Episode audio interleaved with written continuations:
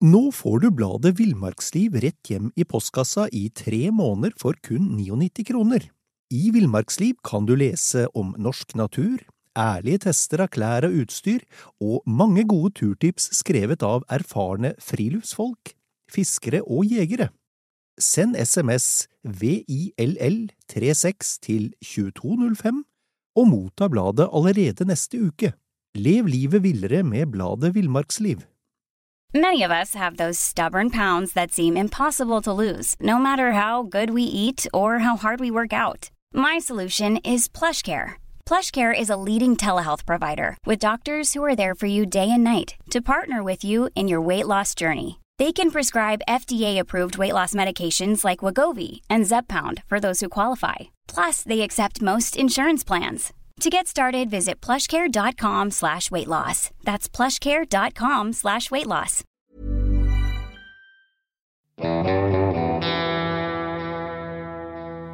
Velkommen til podkasten Villmarksliv.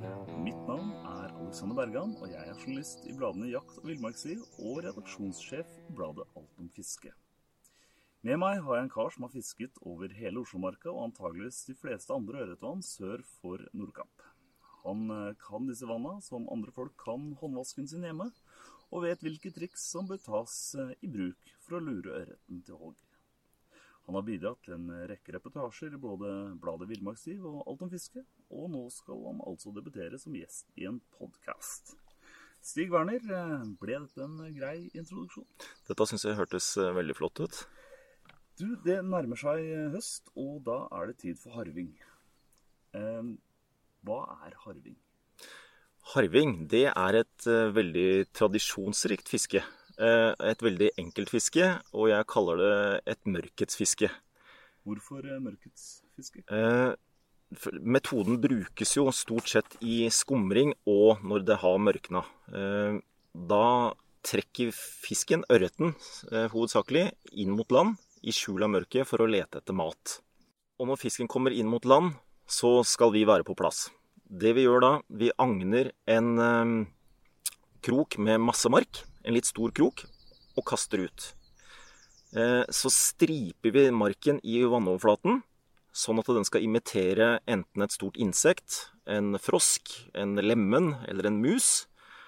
Eh, og når eh, ørreten nedi vannet ser kjølevannstripene som den stripingen avgir, så kommer den opp og tar. Men altså, du snakker om da å eh, agne en krok med mark. Da må det jo være ganske mye mark man eh, bruker for å i det hele tatt få den kastet ut? Ja. Det, man bruker litt større krok enn eh, det man normalt uh, gjør. Jeg vil si en krokstørrelse fra to til seks, to til åtte vil jeg si er en passe krok, krokstørrelse. En Aberdeen-krok gjerne, den som er rett i krokskaftet. Mm. Og man trer inn på en eh, fem, seks, sju, åtte litt sånne store mark. Ikke for store, men sånn eh, medium pluss. Og agner de sånn at det blir en skikkelig blekksprut. Og da kommer altså ørreten og tar den blekkspruten? Det gjør den. Og det, det, er jo ofte veldig nær land, så det er jo en kjempespenning.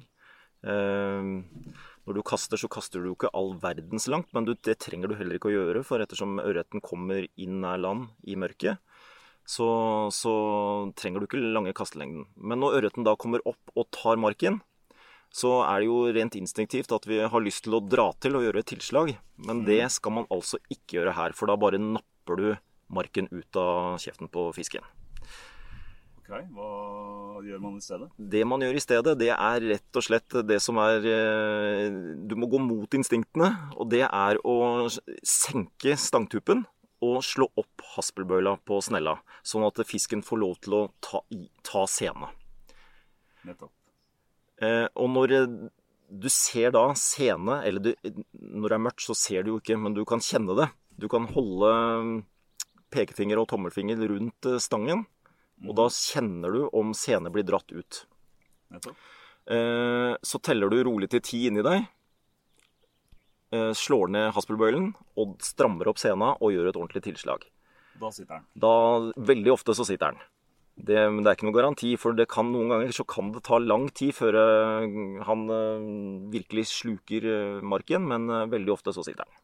Hvordan er på en måte lynnet til disse fiskene når de blir overraska på den måten? Altså, er de sprelske, eller er de litt treige, eller er det litt avhengig av eh, fisken selv? Ja, det er litt avhengig av det, og litt avhengig av vanntemperaturen. Men stort sett så foregår jo harving. Det er eh, vårfiske eh, før det blir for lyst. Og det er veldig mye utover høsten, da, fra august og utover. Og da begynner jo vanntemperaturen å bli litt kaldere, og det medfører også at eh, fisken er sprekere enn han ville vært i et eh, varmt vann. Eh, hva vil du si er et godt harvevann? Altså er, kan man harve på Mjøsa, eller bør det helst være mindre skogsvann eller fjellvann? I utgangspunktet så kan man jo egentlig harve overalt. Men uh, personlig så syns jeg at de middels store vanna er, uh, er fine. Eh, det bør ikke være for mye vannvegetasjon og plantevegetasjon langs land. Eh, for da er det lett å sette seg fast når man driver og, sveiver inn kroken eh, i vannoverflaten. Mm -hmm. Det bør være kanskje en halvmeter til en meter dybde rett under føttene dine, der hvor du står og kaster. Og det bør gjerne være litt variasjon i breddene. Litt små viker. At det kanskje ligger en litt stor stein ute i vannet. At det er et nedfallstre. Og på disse stedene så er det jo ofte at eh, fisken steller seg opp, da. Er det noe poeng at det skal være under eh, busker og kratt og sånne ting? Eh, jeg tenker at det er kanskje større sjanse for at det faller noe ned i vannet? Det, ja, det er en god tanke. Og det er absolutt et sted hvor en, en slu ørret steller seg opp. Helt klart. Kaster man i, i vifteformasjon, eller? Eh? Ja, det er jo veldig greit når man kommer til et, eh, et, en kasteplass. Eh, og for å ha litt orden på hvor man har kasta og ikke kasta, så er det greit å begynne med kanskje et kast til venstre, og så legger du neste kast litt mer mot høyre, og litt mer mot høyre, og litt mer mot høyre. Helt til du har fullført halvmånefondet, eller vifteformen, da. Um, du sa i stad at ørreten gjerne tar uh, rett til beina dine da antar jeg at det, da skal man ikke eh, Man skal ikke forte seg å få opp eh, marklisa for å ta et nytt kast. Nei, og det er veldig viktig. For veldig ofte så er det at ørreten angriper i siste sekund før byttet kommer seg i sikkerhet. Så veldig ofte så er det at ørreten tar rett ved føttene dine. Og det er, jeg har flere ganger opplevd at vannspruten har stått i ansiktet. Altså. Det er en fantastisk opplevelse. Blir du skremt da, eller hva? Det, man får hjertet i halsen, men samtidig så har man jo vært med på det noen ganger, så etter hvert så vet man hva dette dreier seg om, da. Hva, hva er den største ruggen du har tatt på, på harving? På harving har jeg tatt en på 4,2 kilo. Oi.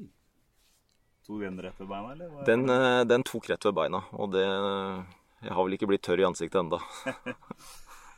Eh, ok, så la oss si det er eh, Du har bestemt deg for å dra på en harvetur. Hvordan eh, forbereder, eh, forbereder, man seg, forbereder man seg til det? Eh, når man kommer fram til et vann, så bør man eh, komme en times tid før skumringen eh, inntreffer. Og man bør eh, da gå opp ruta man har tenkt å fiske, for å sjekke bl.a. bunnforholdene. Mm -hmm. Finn de plassene hvor, er, hvor, du ser at det er kanskje en litt dypere grop, der hvor det er en stein som ligger under vann, der hvor det er skjulesteder langs bunnen. da. Veldig ofte så kommer de større ørretene inn og gjemmer seg på, og står på disse stedene. For å da gjøre raske angrep inn mot bytter de ser. Nettopp. Eh, og da antar jeg at man må bevege seg eh, deretter også? Ja. Man må jo være aktiv. Dette er et veldig aktivt fiske. Det nytter ikke å stå på samme torva hele fisketuren. Man eh, er nødt til å bevege seg. Nettopp. Eh, jeg antar jo at uh, noe av dette her er jo fordi det er mørkt. Altså noe av appellen, uh, appellen til fisken og for å ta denne marklisa er fordi det er mørkt og den ikke blir slettskremt. Um, dette fisket her foregår vel med en hodelykt, eller du må vel ha en, en eller annen form for lyskilde for å se hva du holder på med? Ja, eh, stort sett så må man det. Ut, I utgangspunktet så bør man prøve å bruke lys minst mulig. Men det er klart når man beveger seg kratt i sterk mørke, så må man ha et lys. Og en hodelykt da, det er jo en stor fordel, for da har du jo begge hendene fri. Mm. og de fleste hodelykter også har jo forskjellig lysstyrke. At man mm. kan uh, variere det, og da anbefaler jeg at man bruker den minst, minst lysstyrke.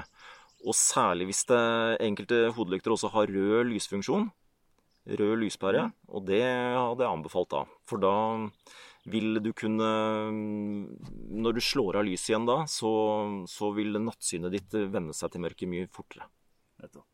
Eh, men kan denne hodelykta skremme fisken? Ja, jeg anbefaler å ikke lyse rett ut i vannet. Prøv å holde lysstrålen inn mot land og inn på land. Og ja, lys mest mulig rett ned. Når jeg har vært ute på høsten eh, ved vann for å harve, så har jeg jo sett at det er flere som tenner bål. Eh, eller det, det er flere bål rundt vannet. Uh, er, det, er det greit, eller er det Ja, det tror jeg. Jeg har aldri tenkt over at det skal ha noe å si, altså. Nei, det tror jeg er helt greit. Um, ja, man skal ut og harve, og um, man har krokstørrelser i Hva var det du sa? 8 til 12? Nei. Nei, fi, fra 2 til, uh, 2 til 6 til 8. Ja. ja. Det er svære, krok, eh, svære kroker. Ja, en krokstørrelse i 4 er, vil jeg i hvert fall anbefale at man har. Mm. Eh, hva tenker du med, om resten av utstyret? Eh, utstyr bør være forholdsvis lett. Eh, hvis vi starter med snella, så bør jo det være en sånn typisk snelle i klasse 1000. Mm. Eh, og en eh, lett eh, haspelstang fra, med kastevekter fra en, ja, en 3-12 gram eller sånn, vil jeg kanskje anbefale. Og en lengde på en 7-8 fot. Mm. Er det åpent rundt deg, så kan du gjerne ha enda lengre stenger òg, for lengre rekkevidde. Men en sånn rundt åtte fot, det syns jeg er et godt utgangspunkt. Er det en spesiell kasteteknikk man uh, bør bruke for å få ut denne da relativt lette Ja, det, det, det er om å gjøre å unngå, det er å kaste, ta i for mye. For når man har et lett eh, agn, så tror man at det å kitte til, det vil uh, gi lange kast. Men resultatet er ofte at da kaster du av mye av marken. Da. Ja. Så det gjelder å kaste litt, hva skal vi si, i anførselstegn, bløte bevegelser. At man har en sånn mer svingende bevegelse. Mm. Eh, og har man en da stang med en litt sånn eh, toppaksjon, eller litt stiv tupp, så vil du få den snerten du trenger da, for å komme de meterne ut som behøves. Og da, i og med at den skal stripe overflata, så regner jeg med at da begynner du å sveive inn med en gang? Eller? Ja, det, det, man gjør, det er med en gang du hører et plopp uti vannet, så slår du ned haspelbøylen. Slå den gjerne ned for hånd, eh, sånn at du unngår å få senevas. Mm. Eh, og så gjør man et lite drag i stanga og begynner å sveive inn. Det høres eh, enkelt ut, men er det så enkelt? Eh? Det kan nok kanskje være greit å gjøre litt tørrtrening i dagslys, så man mm. ser hvordan dette fungerer i, i, praksis. Før man beveger seg over i mørkere omgivelser. For da er jo alt er jo litt vanskeligere når det er mørkt. Men det er ikke noe hokus pokus. Det er et veldig enkelt fiske når man kan knepa. Vi snakket om dette med mark og sånt. Er det mm, Bruker du kjøpemark, eller eh, graver du selv? Tidligere så var jo at en del av fisketuren å grave mark. Men eh, det viser seg jo at denne kjøpemarken den er veldig solid og god, altså. Så mm. personlig så bruker jeg mer og mer kjøpemark. Nettopp. Er det, et, er det et poeng at uh, Altså, marken skal vel lukte mark, men, uh, men uh, kan man tilsette noe annet luktestoff, eller er det noe poeng? Jeg tror ikke det er noe poeng. I hvert fall eh, Kjøpemarken den, det er jo denne kompostmarken, eller tigermarken, og den avgir ganske mye lukt i seg selv. Mm. Eh, og når den da striper i vannoverflata, så vil den avgi mye lukt i tillegg til bevegelse. Så den er eh, veldig fin, altså. Men må man bruke mark, eller kan man harve med andre typer agn? Jo da, man, harve, fluefiskeren kan også harve. Okay. Og da bruker man gjerne en stor streamer eller en stor mødler eller eh, altså en museimitasjon, et eller annet stort noe, som bare man får lagd denne stripingen. Eh, forskjellen da det er jo at man må gjøre tilslag med en gang når eh, fisken tar. For eh, kjenner en, eh, en ørret at han har en museimitasjon i munnen, så spytter han den ut igjen. For det, det er ikke ekte vare. Nettopp. Hva med Kan man bruke dupp for å få den for å få lenger ut? Altså, jeg regner med Man kan jo stripe med en dupp også? Ja, det kan man gjøre. Eh, og det er et triks, særlig hvis, du, hvis det er veldig langgrunt da, og fisken står litt lenger ut. Så kan man eh, bruke en dupp eh, og sveive sakte inn. Særlig hvis det er vak langt ute, så kan du sveive gjennom vaket. Mm. Eh, og ofte så tar eh, fisken duppen for å være agn, og kommer opp og tar den. Mm. Eh, men da må du slutte å sveive, sånn at marken får tid til å synke litt ned i vannet. Og da vil en tro at han har drukna byttet og kommer og tar den litt senere. Såpass, ja. Ja, det er en smart, et smart taktikk. Nettopp, nettopp. Er det andre triks du kan gjøre? Altså, kan man, kan man eh, utsmykke denne kroken med perler og tråder og søkker og, og sånne ting? Ja, eh, særlig på litt lyse, litt sånne måneskinnsnetter. Så kan det å ha en eh, selvlysende perle eller Jeg har jo vært i datteren min sitt uh, lekeskrin og funnet noen plastperler Mm. som uh, i, i sterkt månelys gir veldig fin sånn refleksjon. da. Og det har jeg opplevd at det har tirra fisk til å komme og ta. Jeg antar at det kanskje også gjør at du ser bedre hvor uh, Det gjør man også. er? Ja, det gjør man, hvor er? Ja. det gjør man også. I tillegg så kan man jo også knyte en, kanskje en hvit ulltråd eller noe sånt rett over eh, kroken. Mm. Da får man jo lettere se hvor agnet er i vannet selv. Mhm. Eh, og jeg traff en gang en, vel, en gammel, eh, erfaren kar langt inne i marka, og han var sverga til en sånn perlemorsknapp som han hadde over krokøyet. Og det var fasiten min til annet, da. Nettopp. kan, altså, dette er jo vår og eh, høstfiske, som du sa. Og så kanskje særlig høst, eller? Ja, særlig høst. Eh, fredningstider, er det, er det ting å passe på der? Det er vel noen steder hvor, eh, hvor det, man opererer med det? Fredningstider må man jo ta hensyn til. Eh, Det varierer jo fra område til område hvordan fredningsreglene er. Enkelte steder så er det jo totalfredning, og da, da kan man ikke fiske i det området innafor den tiden.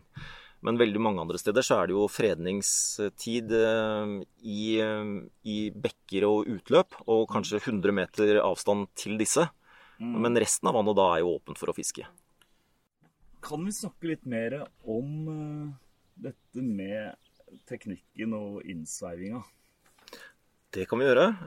Etter at man har kasta ut, så er det jo om å gjøre å prøve å variere innsveininga litt òg, sånn at det ikke blir for monotont. Man bør kanskje tenke på å imitere et insekt eller eh, en frosk. En frosk svømmer jo i sånne etappevis, og veldig ofte gjør også insekter det. De har en liten sånn eh, fremstøt, og så står de litt stille, og så går de videre igjen. Og Det kan man også gjøre ved, ved denne type fiske. Eh, Så kan man også forsøke å la marktugga synke litt. Grann.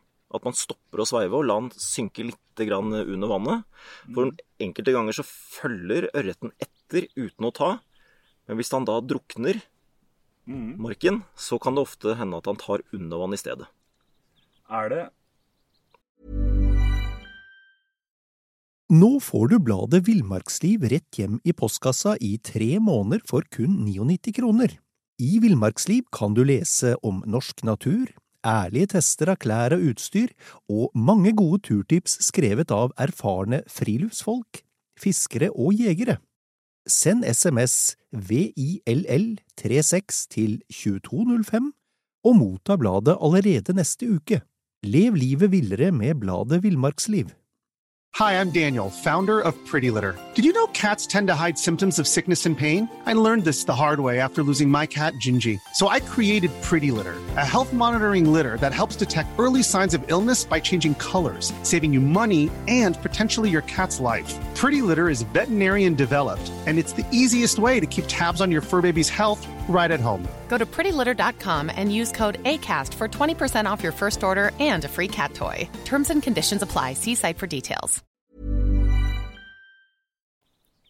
Du snak- snakker om at dette her skal jo Altså, de imiterer jo frosker, men så snakket også om lemen og, og, og mus.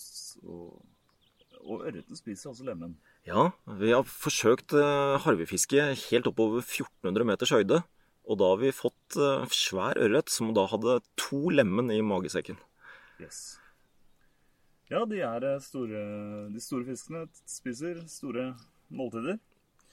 Eh, hva vil du si er et, et, et godt at uh, harve Altså, vi snakket om harvevann, men, men, forholdene? Hvordan bør forholdene være? Ja, eh, I utgangspunktet så er eh, det meste godt harvevær. Men jeg vil kanskje heller si hva som ikke er godt harvevær. Mm. Og det er eh, vanskeligere å få fisk når det er helt fullmåne, helt klart og veldig sterkt måneskinn. Da er det litt mer vrient. er det da fordi fisken er mer sky? Ja, det er det. Da blir fisken mer sky. Eh, så er det, hvis det er eh, veldig sterk vind, eller nordavind eh, kanskje spesielt, da blir det vanskeligere for fisken å oppfatte stripinga hvis det er for store og høye bølger. Mm. Så har du jo litt den der med tåke og dis på, og, som siger over vannflata. Da også har jeg personlig erfaring med at det er eh, treigt, altså. Men stort sett Har du noen årsak til det? Det er, det er, bare Det virker å være sånn at når det Jeg tror det er lite insekter på vannflata når det er sånne forhold. Mm. Så, så, det virker eh, Da har, er det sjelden jeg har fått noe særlig fangst, altså. Skal vi se de, Vi har jo snakket litt om uh, utstyret, men, men kan vi gå tilbake litt på dette med, med scenetykkelse? Ja. Vi nevnte jo at det var monoscene som er foretrukne. Så er det også da en fordel å gå ned på senetykkelse. For med tynnere sene, jo mindre friksjon ved kast, og dermed oppnår du lengre kast. Men samtidig så kan jo det gå litt utover eh, knutestyrken eller styrken på scenen. Da. Så det bør jo være en mellomting. Men jeg vil anbefale en sånn 0,18 til 0,20 mm på, i en monoscene, da. Det er en fin harvescene. Vi eh, og, altså når den biter, som sagt, og man har tatt over bøyla, og man har tatt tilbake en bøyla og, og gjort tilslaget um, er, det, er, det noen spesielle måter å kjøre, kjøre fisken på, eller er det som vanlig? Eh, det kommer litt an på forholdene du står og fisker i, eh, vil jeg si. Eh, hvis du står på et sted hvor det er mye kjerr og drit langs bunnen, så ville jeg kjørt fisken hardere enn hvis det er åpne omgivelser og, og ikke noen steder fisken kan dra seg inn i, da. Så det bør man jo ha, egentlig ha sett seg ut på forhånd før det blir mørkt. At på dette stedet, her må jeg kjøre fisken litt hardere, for her er det muligheter for at han kan dra seg inn i kjær. Mm. Eller på et åpent sted, da kan du la han få gå litt og, og ha det litt mer moro med han, da. Hva slags eh, Ja, så igjen, vi har jo eh, Utstyret burde jo være, være, greit nå, men eh, det er vel kanskje andre mer utstyr som bør til? Altså av håver og Ja, eh, absolutt. En H bør man ha med seg. Eh, mm. for som sagt, så tynnere scene er jo, da er risken større for at sena kan ryke, særlig ved landing av fisken. Da. Mm. Og det å dra fisken eh, i sena opp på land, det er ikke å anbefale. Og særlig ikke hvis du endelig har fått den kilosfisken du har drømt om, og så skal du opp på land, og så mister du den. Det er ikke noe særlig. Så det å ha en, eh, en, en eh, håv, særlig en teleskopisk variant, som du kan slå ut som blir litt lengre, og strekke deg ut, det er absolutt en fordel. Altså. Det mener jeg hører med til grunnutrustninga til tarvefiske. Dersom du er interessert i fiske, hvorfor eh, bør man ut og harve? Harving vil jeg påstå er kanskje den mest effektive fiskemetoden som fins. Eh, ikke bare for å få fisk, men også for å få stor fisk. Eh, og det er Det gir en spenning og en, eh, en opplevelse som du Hvis du først har opplevd det, så vil du tilbake til den opplevelsen, altså. Er det Sånn at uh, Kan du anbefale harving til de som da kanskje har stått en hel sommer og, og fiska utenom å få noe? Er det det som kan være den forløsende ja, både det med spenning og eh, det å få fisk også. For hvis man står en hel sommerdag og fisker eh, uten å få fisk, så tenker man at dette er jo helt umulig. Men når mørket kommer, så skifter forholdene totalt. Og da kan det plutselig en helt stille dag plutselig bli til en veldig aktiv kveld. Det vet man aldri. Så det å bruke mørket, det bør man gjøre altså når man først har tatt seg turen ut.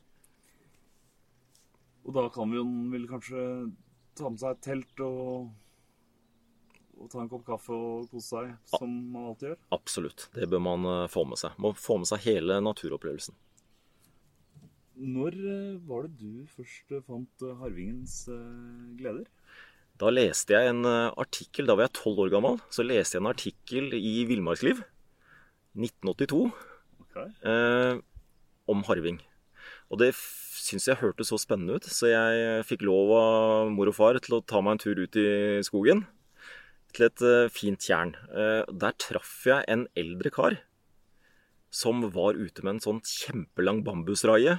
Og sto og sveipa sena utover vannflaten. Det var jo sånn man fiska i gamle dager. Og da hadde man ikke gode sneller og slikt, men da var det en lang stang med en toppknytt sene. Eh, og mm, han kom bort til meg og forklarte litt hvordan han fiska, og hvorfor han syntes dette var eh, effektivt.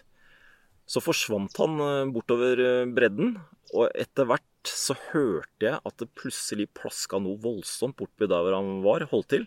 Så jeg var jo sikker på at en mann hadde dette uti.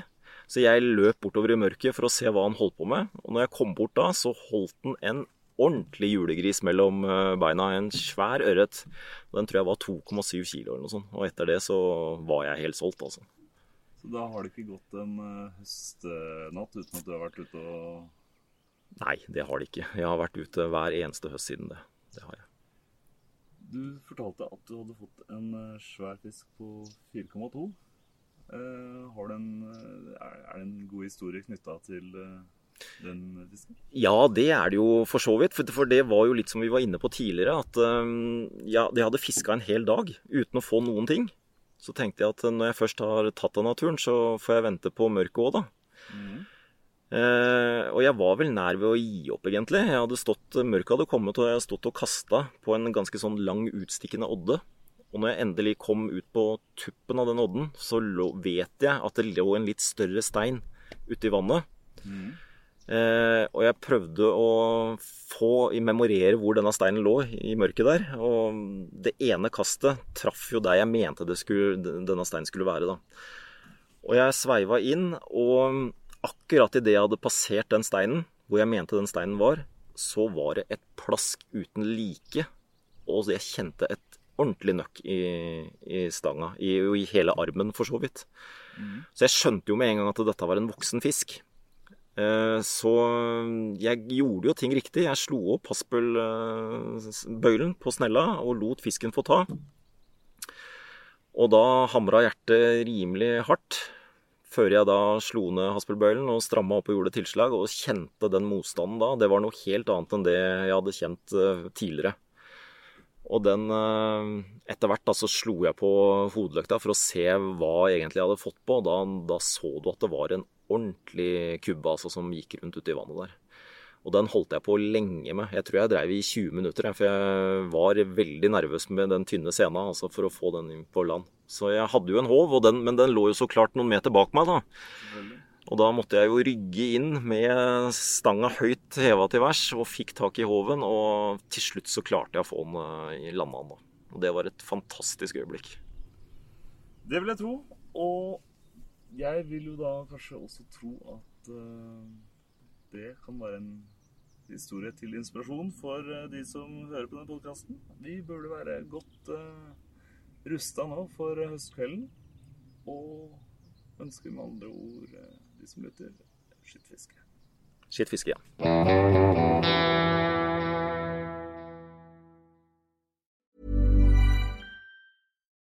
Nå får du bladet Villmarksliv rett hjem i postkassa i tre måneder for kun 99 kroner.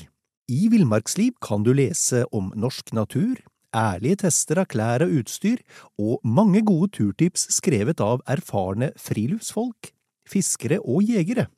Send SMS VILL36 til 2205 og motta bladet allerede neste uke. Lev livet villere med bladet Villmarksliv. Mom deserves the best, and there's no better place to shop for Mother's Day than Whole Foods Market. They're your destination for unbeatable savings, from premium gifts to show-stopping flowers and irresistible desserts. Start by saving 33% with Prime on all body care and candles. Then get a 15-stem bunch of tulips for just $9.99 each with Prime. Round out Mom's menu with festive rosé, irresistible berry chantilly cake, and more special treats. Come celebrate Mother's Day at Whole Foods Market. Hey, it's Paige DeSorbo from Giggly Squad. High quality fashion without the price tag. Say hello to Quince. I'm snagging high-end essentials like cozy cashmere sweaters, sleek leather jackets, fine jewelry, and so much more. With Quince being 50 to 80% less than similar brands. And they partner with factories that prioritize safe, ethical, and responsible manufacturing. I love that. Luxury quality within reach. Go to quince.com slash style to get free shipping and 365 day returns on your next order. Quince.com slash style.